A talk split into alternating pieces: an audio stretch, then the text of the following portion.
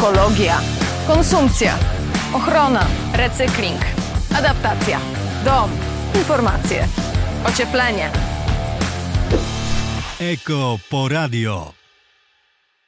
Woda z punktu widzenia ekologii, środowiska to nomen omen temat rzeka. O tym, jak bardzo jest nam potrzebna do życia, chyba nikogo nie trzeba przekonywać, ale mam wrażenie, że trzeba przekonywać do tego, że zmiany klimatu, z którymi mamy do czynienia mm, mm, i dzieją się na naszych oczach, y, to ich jednym ze skutków jest właśnie to, co dzieje się z wodą na świecie. No ale co ja tam wiem? I właśnie dlatego zaprosiłam do studia doktora inżyniera mm, Radosława Stodolaka, hydrologa, więc eksperta z Uniwersytetu Przyrodniczego we Wrocławiu, który o suszy, o powodziach, o wszelkiego innego typu zjawiskach związanych z wodą wie o wiele więcej ode mnie. Cześć Radku, dzień Witam. dobry. Dzień dobry Państwu. E, Radek, zajmujesz się jeszcze mm, projektem ochrony przed powodzią do rzecza Odry i Wisły, więc e, no nie rzucam słów na wiatr, że e, znasz się na temacie, bo powódź i susza wbrew pozorom wcale nie są takimi wykluczającymi się hmm. pojęciami, prawda? Dokładnie tak. Powódź, jak i susza to są zjawiska ekstremalne, hydrologiczne zjawiska ekstremalne. I często jest tak, że ludziom wydaje się, że skoro y, mieliśmy do czynienia z powodzią, to na 100% w tym roku już nie będziemy mieli suszy. A to jedno drugiego nie wyklucza. Ja bardzo często to się, nawet, to się nawet przekłada na, e, na to, jak, z jakimi informacjami mamy do czynienia w mediach tak. teraz, bo zauważ, że o suszy w tym roku no, nikt się nie zająknął chyba. No chyba, że ktoś wchodził właśnie w tematy bardziej ekologiczne, środowiskowe, to tutaj już trochę lizną tego tematu i wie, że to wcale nie, nie jest takie mhm. oczywiste. Natomiast w takich newsach, newsach w zeszłym roku mieliśmy no, nawałnicę niemalże e, informacji o suszy. W tym roku powodzie, y, nawałnice właśnie, ale te deszczowe, groźne zjawiska, jeśli chodzi o burze i y, ulewne deszcze, ale suszy brak. Tak, ale jak się na przykład spojrzy na y, monitor ostrzeżeń, które publikuje IMGW, to tam pomimo, że dla znacznej części kraju są wydane ostrzeżenia czy alarmy przed intensywnymi opadami deszczu, to są takie miejsca, w których są ostrzeżenia przed suszą, szczególnie właśnie w centralnej i środkowej części Polski, więc tak jak widać te deszcze, które nas teraz tak nawiedzają.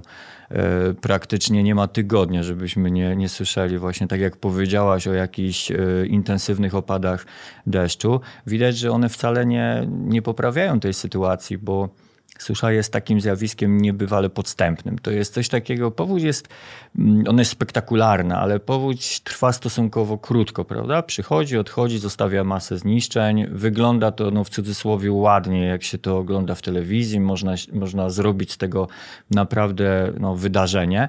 A susza jest podstępna, susza się rozwija y, latami czasem. Y, my jej efekty widzimy w danym roku, ale to wcale nie znaczy, że za rok już, już o nie będziemy mogli zapomnieć. I tak samo wyjście z tego, y, z tego procesu suszy też jest, też jest długotrwałe. I tu naprawdę to, że nagle popada, nawet intensywnie, to, to wcale sytuacji nie poprawia. Czyli możemy powiedzieć, że susza jest gorsza niż powódź? Jeśli się liczy, my się posługujemy takimi pojęciami na przykład średniorocznych strat i e, no, powódź powoduje straty, no, mniejsze, większe, ale one są powiedzmy przychodzą tak nagle i dosyć łatwo je ocenić. Natomiast z, tego, z tej racji, że susza jest tak rozwleczona w czasie, to te straty one tak się kumulują i tak jakby dodać y, grosz do grosza, no to można powiedzieć, że one są często na, na równi. Mhm. No a w, w, każdym razie to, co teraz obserwujemy, to, y, to tak naprawdę nie powinno nas dziwić, ponieważ moi poprzednicy, ja sam w swoim życiu już wielokrotnie mówiłem, że po prostu do tego się powoli trzeba przystosowywać. To, co jeszcze parę lat temu było dla nas jakimś y, zjawiskiem ekstremalnym, ponadnormatywnym, teraz staje się powoli normą, tak? I, i, i zaczynamy z tym mieć do czynienia już na co dzień. A te ulewne deszcze to nam trochę uzupełniają brak tej wody, czy zupełnie nie? To znaczy, to, że pada, to jest chyba mimo wszystko dobre zjawisko. To czy... jest no, oczywiście, że dobre zjawisko. Tak? Czy nie ma znaczenia? Tylko, że jest różnica między pada a leje, tak? No, mówiąc tak obrazowo, bo taki deszcz, który jest intensywny, który bardzo szybko spada na powierzchnię ziemi, on potrzebuje czasu, żeby wsiąknąć, a w przypadku ulew a jeszcze takie, które następują po długotrwałym okresie suszy, kiedy ziemia nie jest taka skora do tego, żeby przyjmować znaczne ilości wody, to tak naprawdę jest tylko problem dla nas, bo to zwilży tą przypowierzchniową warstwę, a reszta wody odpłynie. Tak, odpłynie i jest dla nas praktycznie bez, bezużyteczna. Y, dla nas tak naprawdę antidotum na wyjście z tej sytuacji to jest śnieg.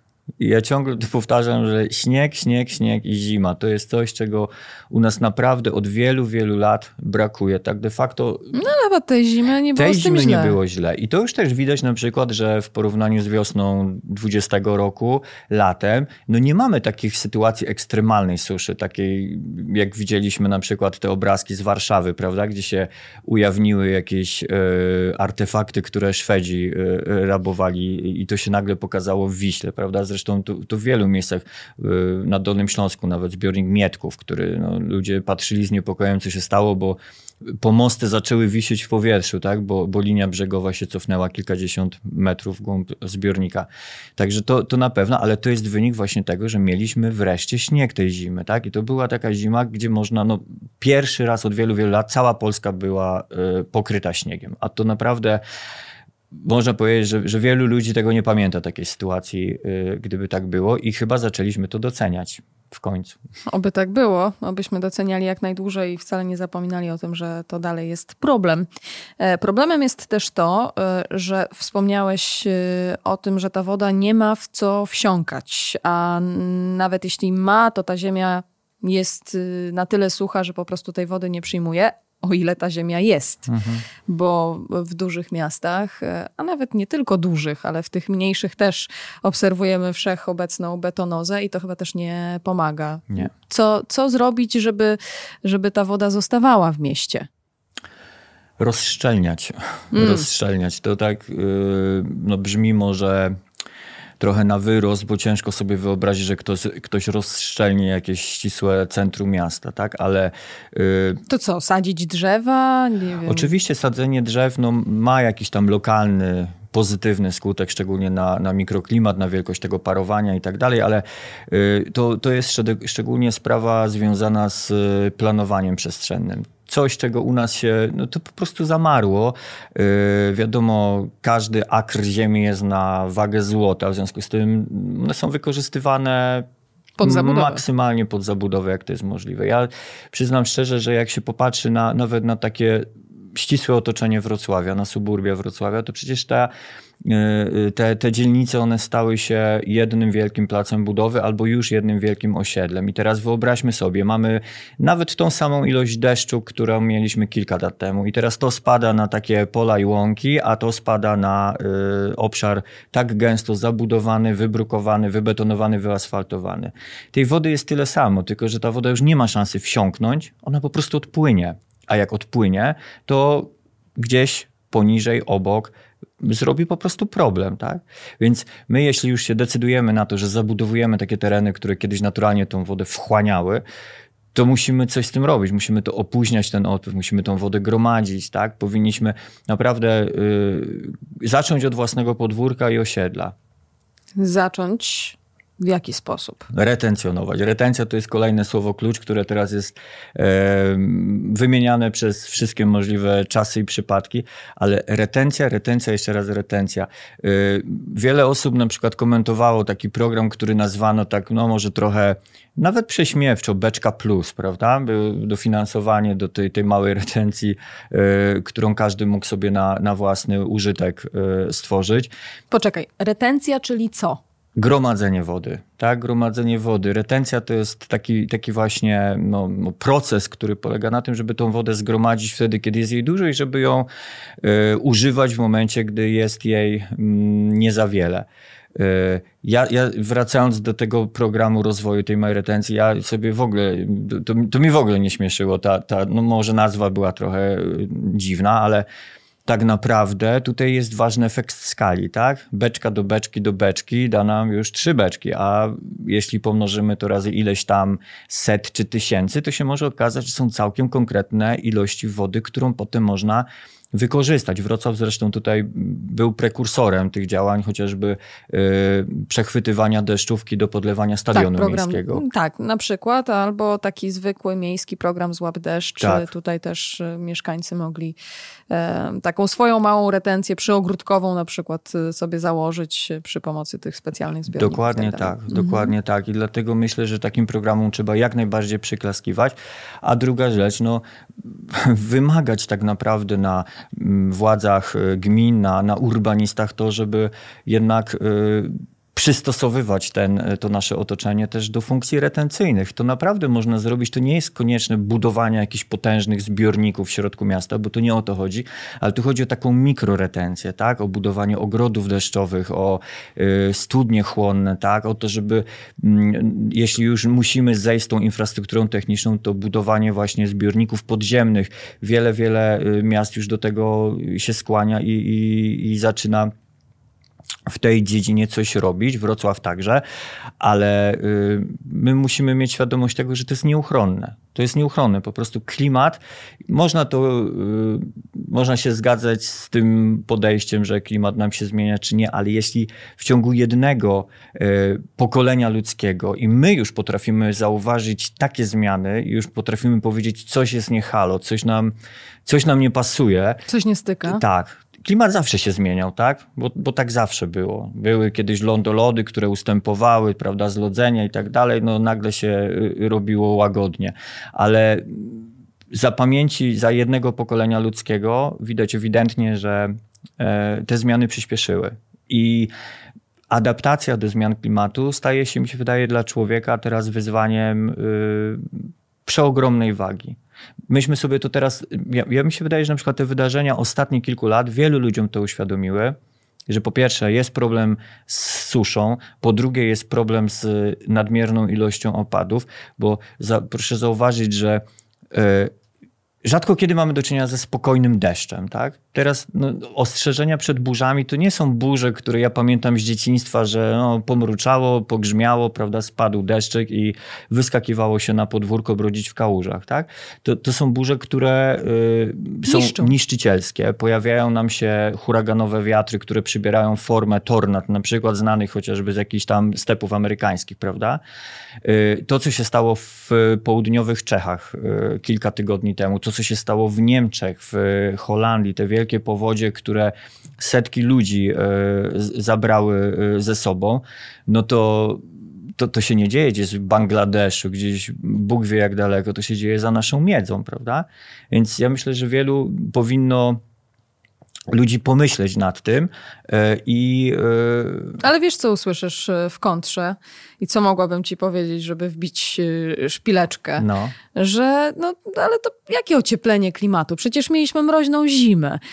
Wiesz, jakby zawsze znajdzie się, zawsze znajdzie się, się ktoś, kto to zakwestionuje. No, Jak naj- z tym walczyć? Najczęściej jest to y, kwestionowane też faktem takim, że to było zawsze, tylko teraz media z tego robią sensację, Na nagłaśniają, tak, są wszędzie, w związku z tym relacje idą na żywo nawet z takich wydarzeń i tak dalej, więc no, no ciężko z tym mm, walczyć, tak, bo, bo tutaj chyba nie chodzi o walkę tak de facto, ale mi się wydaje, że każdy z nas po prostu to poczuje niedługo w portfelu. My już to czujemy w portfelu, tak?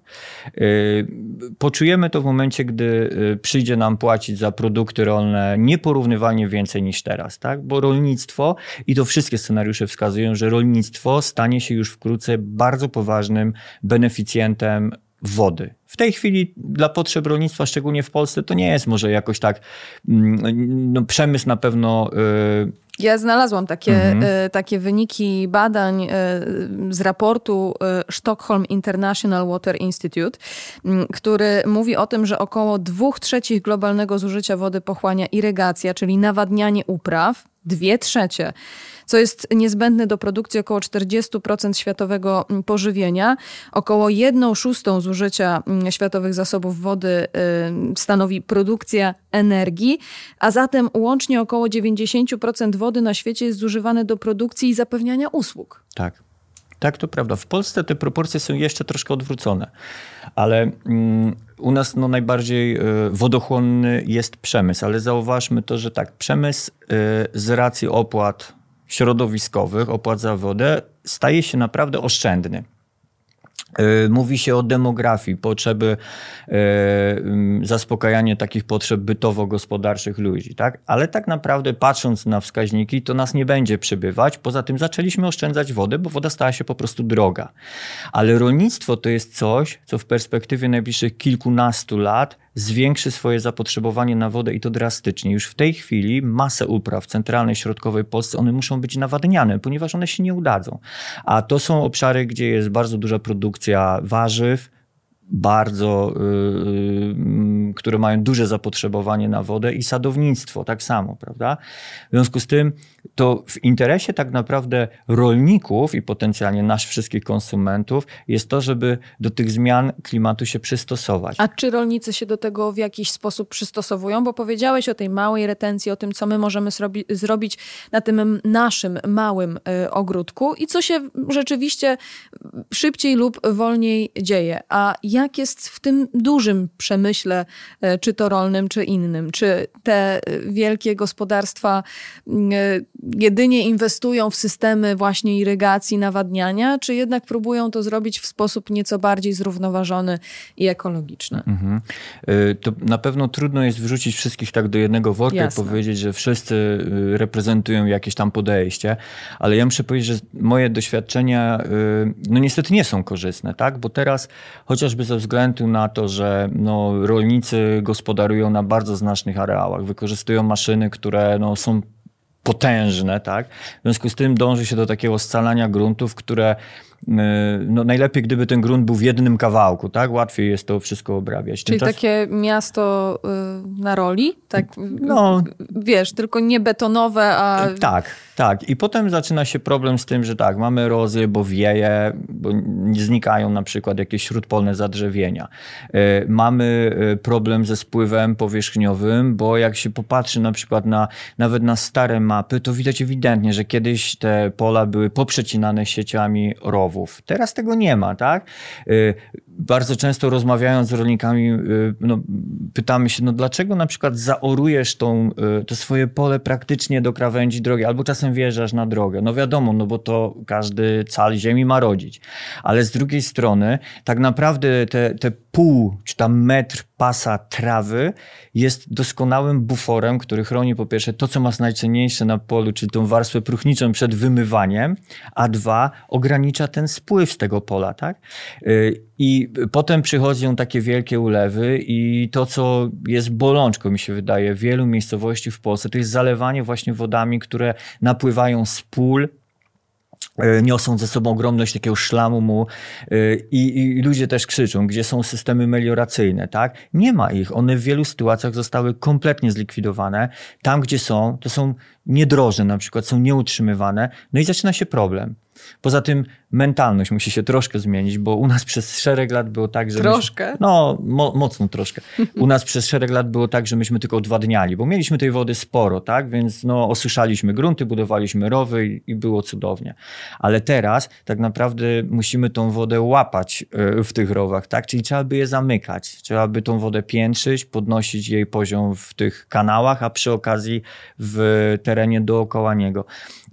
I to też nie jest proste. To wymaga potężnych nakładów finansowych, wymaga ludzi, którzy by wiedzieli, jak to robić, wiedzieliby, kontrolowaliby to, kiedy to otworzyć, kiedy przymknąć, a to oczywiście, no wiadomo, logistycznie jest trudne do opanowania i też wymaga takiego myślenia. Ja mogę podać taki przykład. To kiedyś y, nasz absolwent, który y, skończył y, moją uczelnię, i odziedziczył spore gospodarstwo rolne po swoich rodzicach i opowiadał, jak on na wiosnę postanowił e, zastosować to, czym się nauczył jakby na studiach, a studiował inżynierię i gospodarkę wodną, więc wiedział, o czym mówi i zamknął e, zastawkę na rowie i zaczął w tym rowie piętrzyć rów, powodując taki kontrolowany zalew na pole. Po co? Po to, żeby ta woda wsiąkła w grunt tego profilu glebowego i w momencie, gdy będzie y, susza na przykład, no to te zasoby tamtej wody będą drzemać sobie nieco głębiej. No i proszę sobie wyobrazić, że chłopak naraził się okolicznym sąsiadom, którzy mu e, tę zastawkę niszczyli, wezwali na niego policję, wywal, wy, wywracali mu to po prostu i nie dało się im przetłumaczyć. Mówi, że on chce, żeby wygniło im wszystko, tak? Ale to jest jedna z form takiego kontrolowanego zalewu, która w Polsce była wiele lat temu stosowana. To jest podglądanie natury. Przecież rzeki też wylewały na wiosnę i no, w momencie, gdy było, były roztopy, tak, nie, są nie były obwałowane, po to, że właśnie, że one zasilały tą, tą glebę y, w dodatkową porcję wody. No, jakby pracą podstaw. Nie? To, to jest to, to niestety u nas kuleje troszkę. Zmiana mentalności e, przede wszystkim. Temu ma też e, trochę służyć to nasze dzisiejsze spotkanie i generalnie ten podcast, żeby pokazać, że możliwości jest wiele, e, a, a, a wniosek z tego płynący właściwie z każdej z tych rozmów jest taki, że powinniśmy słuchać matki natury i wracać trochę właśnie do tych podstaw. To skoro o podstawach i skoro mówi nam się, że musimy oszczędzać wodę, bo za chwilę może nam jej zabraknąć, to wyjaśnijmy może, dlaczego mamy ją oszczędzać, skoro pokrywa ona 70% naszej e, całej planety. Przecież mamy morza, mamy oceany, tej wody jest e, cała masa. To dlaczego mówimy, że za chwilę może jej brakować? No, żyjemy na błękitnej planecie, w której o ironią można umrzeć z pragnienia, prawda? Dokładnie. To Jak to się dzieje? No, to jest, to jest y, przykre. Ja, będąc małym dzieckiem, to nigdy nie mogłem zrozumieć, jak rozbitkowie na morzu y, mogli y, praktycznie zginąć, będąc otoczonym wodą, nie mogąc jej pić. I to jest właśnie cały problem, że rzeczywiście dwie trzecie powierzchni Ziemi zajmuje woda, tak? Ale jakbyśmy popatrzyli, jaka to jest woda, to tam 97% są wody słone, które praktycznie dla nas Nie są... można jej odsolić? Można. Robi się to w niektórych krajach już na masową skalę, tylko jest to proces bardzo drogi i bardzo energochłonny. I dlatego stać na niego naprawdę y, wyłącznie y, bardzo bogate kraje, na przykład Zjednoczone Emiraty Arabskie, Hiszpanie teraz y, zaczęli taką technologię stosować i Izrael, który tutaj jest takim niekwestionowanym liderem, ale ja zawsze powtarzam, że w momencie, gdy ta technologia stanie się łatwa, a może tania i co za tym idzie powszechna, to można powiedzieć, że przestaniemy się zmagać z tym deficytem wodnym, jaki mamy teraz. Ale na razie nie powiem, że to jest w powijakach, bo te technologie, one się stale rozwijają, bo one muszą się rozwijać. Tym niemniej e, jeszcze trochę tej wody musi upłynąć e, nomen omen. Nomen omen, zanim, zanim to się uda upowszechnić na tyle, żeby to stosować wszędzie. A masz y, takie przykłady, y, wracając do tego rolnictwa na chwilę, bo powiedziałeś, że no, nie, nie widzisz tego w kolorowych barwach, tak generalnie. A masz jakieś przykłady takich y, fajnych zastosowań, właśnie innowacyjnych zastosowań, oprócz tego przykładu, o którym powiedziałeś, że ludzie go niekoniecznie e, zaakceptowali. E, wśród takich dużych, czy może większych graczy e, na rynku rolnym, którzy właśnie zastosowali coś ciekawego, i proekologicznego? Ja myślę, że y, tutaj wszelkie te programy, które też no, są y, wspierane często przez y, samorządy czy przez Fundusz Ochrony Środowiska, które na przykład mają prowadzić do rozwoju małej retencji rolnej na gruntach rolnych. Zauważcie Państwo, że jak, jak się popatrzy, jak wyglądały wsie kilkadziesiąt lat temu, to no nawet w tych rejmontowskich lipcach, w środku wsi był staw, wokół którego toczyło się życie. Potem żeśmy to wszystko polikwidowali. Tak? Osuszyliśmy mokradła, osuszyliśmy torfowiska. No, każda, każdy agr ziemi jest cenny, ma rodzić. Y, teraz powoli się do tego wraca. No po rozum, jeśli mogę tak powiedzieć kolokwialnie, poszły na przykład lasy państwowe, które zaczęły stosować programy rozwoju małej retencji leśnej, szczególnie właśnie w górach czy na obszarach popoligonowych. I okazuje się, że tak naprawdę my będziemy do tego wkrótce zmuszeni, żeby to robić. Znaczy, my już jesteśmy de facto zmuszeni. Polska jest krajem, który ogromnie słabo e, wykorzystuje to, co ma. Tak? My jesteśmy w stanie w tej chwili gdzieś około 7% tego, co do nas, wody, która do nas dopływa, wykorzystać. Średnia unijna to jest 14 a y, są kraje, które ponad 20% y, dopływu wykorzystują. My, tego nie, my, my tej wodzie pozwalamy praktycznie bezproduktywnie umknąć.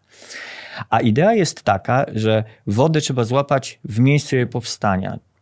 Mówi się dużo o takiej wielkiej retencji, o dużych zbiornikach i tak dalej, ale jak przychodzi do rozwiązań już konkretnych, to nagle okazuje się, że my mamy strasznie mało takich miejsc, które tak po prostu możemy sobie poświęcić po to, żeby wybudować tam zbiornik. Tak? Są protesty społeczne, yy, wielu ludzi nie chce się zgodzić na wywłaszczenia, tak? mamy masę problemów potem jakiejś natury ekologicznej, no bo to jest zmiana, jednak nie da się powiedzieć, że nie. Więc mi się wydaje, że rozwiązaniem będzie to, żeby budować w mniejszej skali, ale więcej. Tak?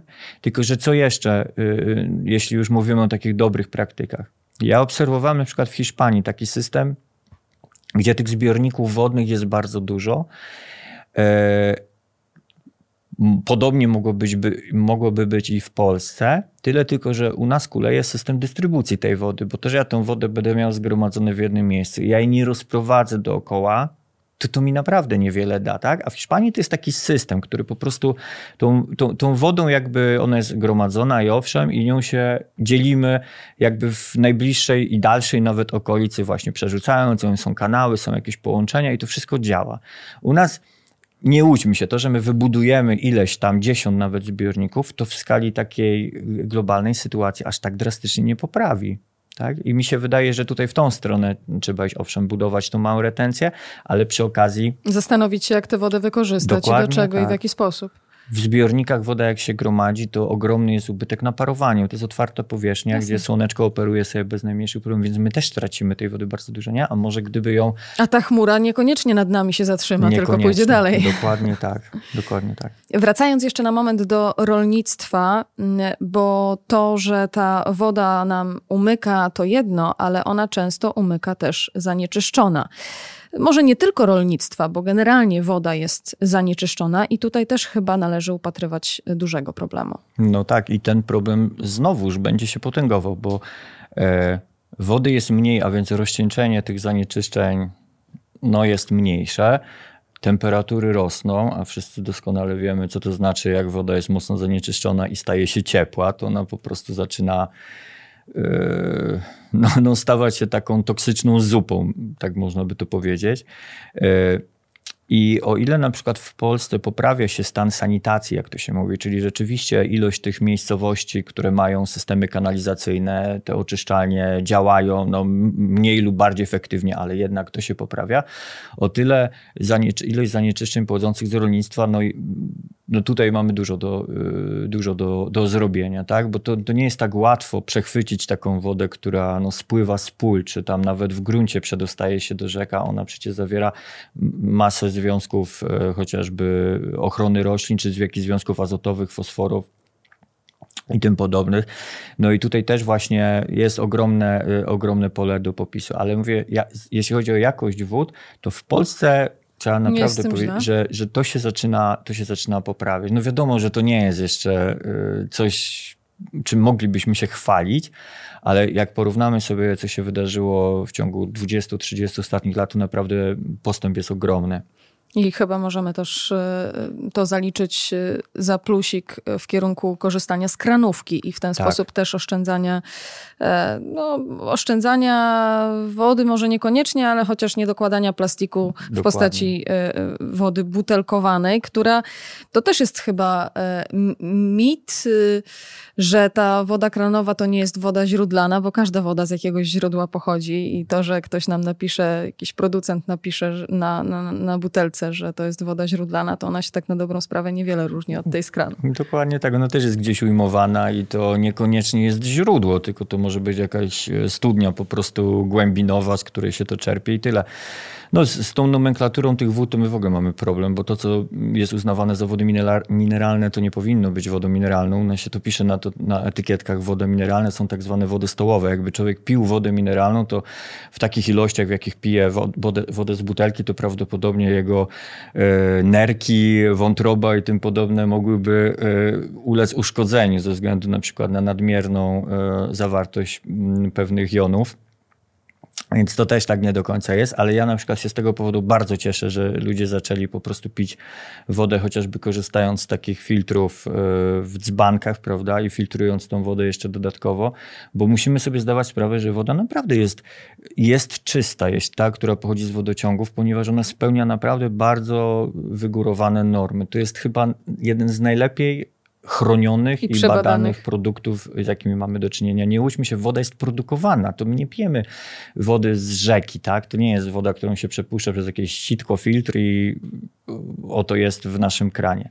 Problemem może jest to, że o ile do, dobrej w, w, tym zakładzie uzdatniania ta woda ma doskon, jest doskonałych parametrów, o tyle jak ona wpada w sieć, która bardzo często ma 100-150 lat, no to tam po drodze y, te wskaźniki mogą Y, mogą troszkę ulec, y, że tak powiem, pogorszeniu, no ale potem mamy te filtry nasze, choćby przenośne w tych butelkach, które, no, które pozwalają i na to się, i na to się zabezpieczyć. I trzymając się tej nomenklatury popularnej, choć niekoniecznie poprawnej, to ta woda z kranu też jest mineralna, bo ona też zawiera Oczywiście. różne minerały i nawet z tych niekoniecznie najnowszych rur też te minerały po prostu zgarnia no. typu no. sód, potas, y, magnez i tak dalej. Aby żelazo za dużo nie, nie, nie zgarniała, bo to no niestety tak też bywa. No, nasze domowe sprzęty się na pewno z tego nie cieszą, ale nam to nie szkodzi i tego trzeba tak. się e, trzymać. E, powiedzieliśmy o, tych, e, o tej retencji w kontekście e, wody, która spada na grunt i którą trzeba łapać. E, a co z tą wodą, która jest pod nami, bo jej poziom też się obniża i na to też ma wpływ to, że tych opadów jest mniej, czy może coś innego? Jak to, jak to działa?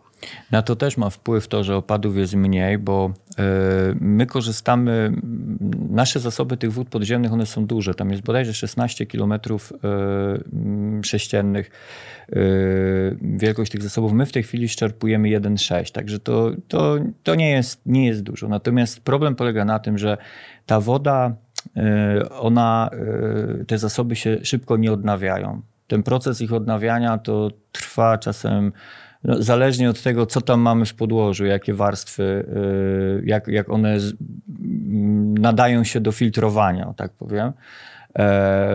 Kilkanaście dni, kilka dni, a czasem kilka lat czasem kilkadziesiąt lat, a mamy takie wody, które praktycznie nie mają kontaktu, tak? One po prostu zostały przygniecione jakąś warstwą nieprzypuszczalną i one sobie tkwią od tysięcy, może setek tysięcy lat w niezmienionej formie. I problem jest taki, że o ile te zasoby wód podziemnych, one się, one są pewniejsze, bo one się trudniej szczerpują, o tyle też one się trudniej odnawiają.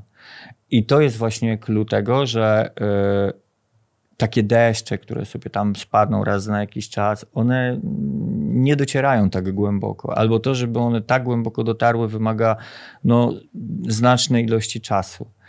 No i, i, z wodami podziemnymi jest właśnie taki e, oto problem. Drugim problemem jest to, że czasem te e, złoża są nadmiernie eksploatowane, czyli wtedy po prostu dochodzi do takiego obniżenia, to się nazywa lejem depresji i okazuje się, że szczerpywanie te, tych wód powoduje, że nagle gdzieś w okolicy w studniach zaczyna brakować wody. E, to samo dzieje się przy pracach kopalni odkrywkowych, tak? Oni muszą osuszyć ten, ten, ten, tą odkrywkę, no i właśnie też powodują powstanie takich lejów depresji, które czasami ciągną się na przestrzeni dziesiątek kilometrów wokół nawet tych, e, tych kopalni, prowadząc do ich e, nadmiernego przesuszenia.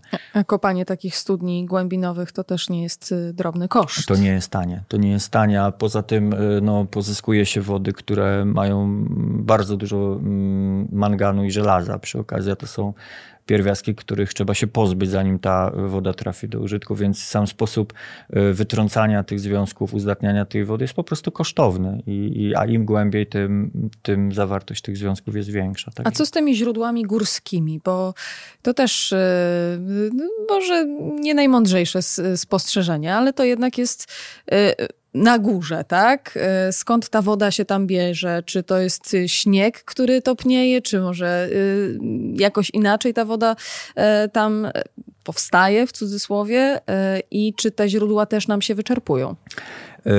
W takie, takie źródła górskie to ich genezy, geneza to jest, no to są opady przede wszystkim, tak? No, czyli topnienie śniegu. No, u nas akurat nie ma lodowców, ale w wielu przypadkach to pochodzi z topnienia lodowców, no i opady deszczu. No i to o tym, że akurat w tym miejscu powstaje źródło, decyduje układ warstw skalnych po prostu, tak? Czyli tam jest jakaś warstwa wodonośna, która przebija się jakby na powierzchnię i zaczyna się. Ale to poczekaj, to znaczy, że y, topnienie lodowców, o którym się teraz mówi, że to jest y, spore zagrożenie, to czy tej wody tam z tych lodowców by nie można było tak, wiesz, topicie? Mhm. Ja tutaj się posłużę cytatem, który kiedyś Dalai Lama powiedział. Y, Dalai Lama kiedyś powiedział coś takiego, że on się nie martwi w kontekście zmian klimatu, on się nie martwi o wzrost temperatury i tak dalej. On się najbardziej martwi o to, że zabraknie lodowców w Himalajach, y, które kilku miliardom ludzi dostarczają wodę. Bo to jest właśnie dla nich źródło wody. W momencie, gdy te lodowce się wytopią, to po prostu te źródła i te rzeki wyschną. Okej, okay, czyli zagrożeniem nie jest samo topnienie, co to, że to że się kiedyś skończy. To się skończy. Tak, to się skończy, bo przyrost lodowców też jest ograniczony. Ostatnio media też informowały o tym, co się dzieje na Grenlandii, prawda, na Syberii. To, to w ogóle ewenement jakiś, nie najcieplejszym y, rejonem świata nagle stała się północ Kanady, w ogóle, no, gdzie temperatury podchodzą pod 30-40 stopni. To, to naprawdę nie jest, to nie jest nic dobrego. No i, i, wracając do tematu, to właśnie z tymi y, no, źródłami górskimi jest tak, że no, na pewno mamy fajnie, bo tam woda jeszcze nie zdążyła się zanieczyścić, ale no musimy też sobie zdawać sprawę z tego, że jak przychodzi taki okres długotrwałej suszy, to pierwsze co się dzieje, to wysychają te potoki górskie, tak? One po prostu, przynajmniej w naszych warunkach, one nie mają stałego zasilania stopniujących lodowców, tylko no, z tego, co spadnie lub się stopi, wsiąknie, gdzieś tam przejdzie w głąb. Ja wiem, że ty jesteś naukowcem, e, nie aktywistą, ekologiem, chociaż może też. E, w sumie nie gadaliśmy o tym, ale mm, masz jakieś swoje sposoby poza tą e, małą retencją, o której już powiedzieliśmy, na to, żeby tej wody zużywać jak najmniej, albo żeby wykorzystywać ją ponownie i do czego można ją wykorzystywać? No, ja staram się osobiście łapać deszczówkę. To jest to, czym się mogę pochwalić. Bardzo ubolewam na przykład nad tym, że nie robię tego, ale myślę, że niedługo może bym spróbował wykorzystanie e, wody szarej na przykład, tak? To jest taka woda, która nie jest zanieczyszczona chemikaliami, a na przykład nadaje się do tego, żeby ją jeszcze raz do, do czegoś użyć, na przykład do spłukiwania toalet.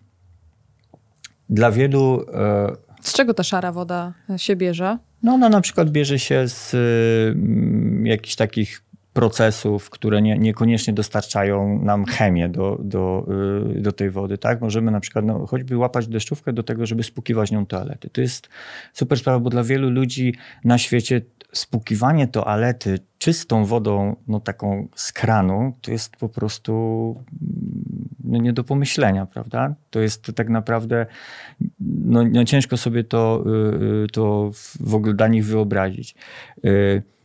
Co, co z takich rzeczy jeszcze? Ja na przykład bardzo y, zwracam uwagę na to, jak wykorzystuję no, w codziennych pracach AGD na przykład, wyko wykorzystuję y, choćby to, że, że jak włączam już tą zmywarkę, to staram się, żeby ona była pełna. Tak? To są może małe, głupie rzeczy, ale tak samo jest z pralką. Nie? Żeby to nie działało na pół gwizdka, żeby nie prać 10 talerzy, tylko żeby już to wypełnić yy, tak maksymalnie, jak się to da. My na przykład yy, w codziennym życiu mamy wiele takich sytuacji, w których wodę możemy oszczędzić. Mało kto sobie zdaje sprawę z tego, że teraz to już nie jest może tak powszechne, ale na przykład w takich urzędach użyteczności publicznej czasem zdarza się, że ciekną spłuczki, prawda? Ale yy, to naprawdę kropla wody i to w ciągu roku mamy y, kilka, kilkanaście metrów sześciennych y, tej wody mniej, prawda? Y, takie głupie mycie zębów. Nie? Mam nadzieję, że to już jest na tyle A powszechne. proszę bardzo, przykład. Mycie zębów przy otwartym kranie to 6 litrów. Mhm. Mycie zębów przy zamkniętym kranie to litr, a mycie zębów z wykorzystaniem kubka to zaledwie 200 ml. Super. Jak kiedyś byłem w szkole na takiej pogadance z dziećmi, no to właśnie na koniec zapytałem ich o morał z tych y, wartości, które tu przytoczyłaś i jeden z chłopców tam wrzasnął, to po prostu nie myjmy zębów i będzie bomba. I, i ja y, myślę, że to nie jest rozwiązanie takie dobre, ale rzeczywiście... Albo mam, nie myjmy rąk. Albo tak? nie myjmy rąk, w ogóle nie myjmy Albo się. się. No. y, częste mycie skraca życie, nie? Ale prawda jest taka, że naprawdę są takie nawyki. y, Ja mam nadzieję, że one już weszły do jakiegoś takiego użytku, tak? Myję zęby, zakręć wodę. Wielu panów na przykład goląc się, się używają do tego takiego standardowego zestawu y, z pianką, na przykład to ma cały czas włączoną y, y, wodę do tego, nie? Nie trzeba tak naprawdę. Można to robić partiami. Y, t- Tak samo jest no, standardowo kąpiel czy prysznic, Prysznic. prawda? Prysznic jest, y, po pierwsze wydaje mi się, że chyba jest nieco bardziej higieniczny. Nie, nie wiem, ja tu nie jestem specjalistą w tej, w tej Ja dziedzinie nie. akurat, ale druga rzecz jest taka, że oszczędność jest po połowę, tak średnio, y, średnio licząc, prawda? To też zależy, ile pod tym prysznicem spędzamy czasu. Nie? No tak, no tak. Y, No, mycie samochodów na podjazdach, to, to kiedyś było, no można było to zobaczyć wszędzie, nie? Ludzi, którzy myją auto szlauchem, tak, y, albo wiaderkiem, wszędzie. Teraz w zasadzie się tego nie stosuje. Masę ludzi jeździ wykorzystując te myjnie, a myjnie jednak pracują w znacznej mierze w obiegu, y, w cyklu zamkniętym, więc ten odzysk wody jest mm, naprawdę spory. I to są takie rzeczy, małe, niemałe, ale ja mówię, tu wszystko to jest efekt skali, tak? To y, w skali jednej rodziny może to jest niezauważalne w rachunku za wodę, ale jakbyśmy już zobaczyli, jak to wygląda w obrębie całego bloku, to nagle się okazuje, że to jest parę metrów mniej, a jak zobaczymy w kontekście całego osiedla, a całego miasta, całego kraju, a całego kontynentu, no to naprawdę z tego się już robią takie dosyć Ogromne istotne, ilości. istotne wartości. A wody nam nie przybywa. Ja często na przykład y, masę ludzi mi y, zarzuca, mówi, no dobra, no ale przecież woda nie ginie, nie? Ona wyparuje, wróci, tylko nie mamy pewności, czy ona wróci tu do nas, prawda? To nie jest tak, że jak u nas wyparuje 200 metrów sześciennych, to nam spadnie 200 albo 215, tak? A jak nam spadnie 140, No to już mamy ubytek. to mamy ubytek, nie? A tak 20% ludzi na świecie ma taki, y, taki ubytek i my wcale nie jesteśmy jakoś mega predysponowani do tego, żeby się o to nie martwić, więc martwmy się o to może nie w kontekście nawet Polski, ale martwmy się o to w kontekście globalnym. No i byłaby to kropka, gdyby nie to, że każdemu z moich gości zadaję jeszcze jedno ważne pytanie.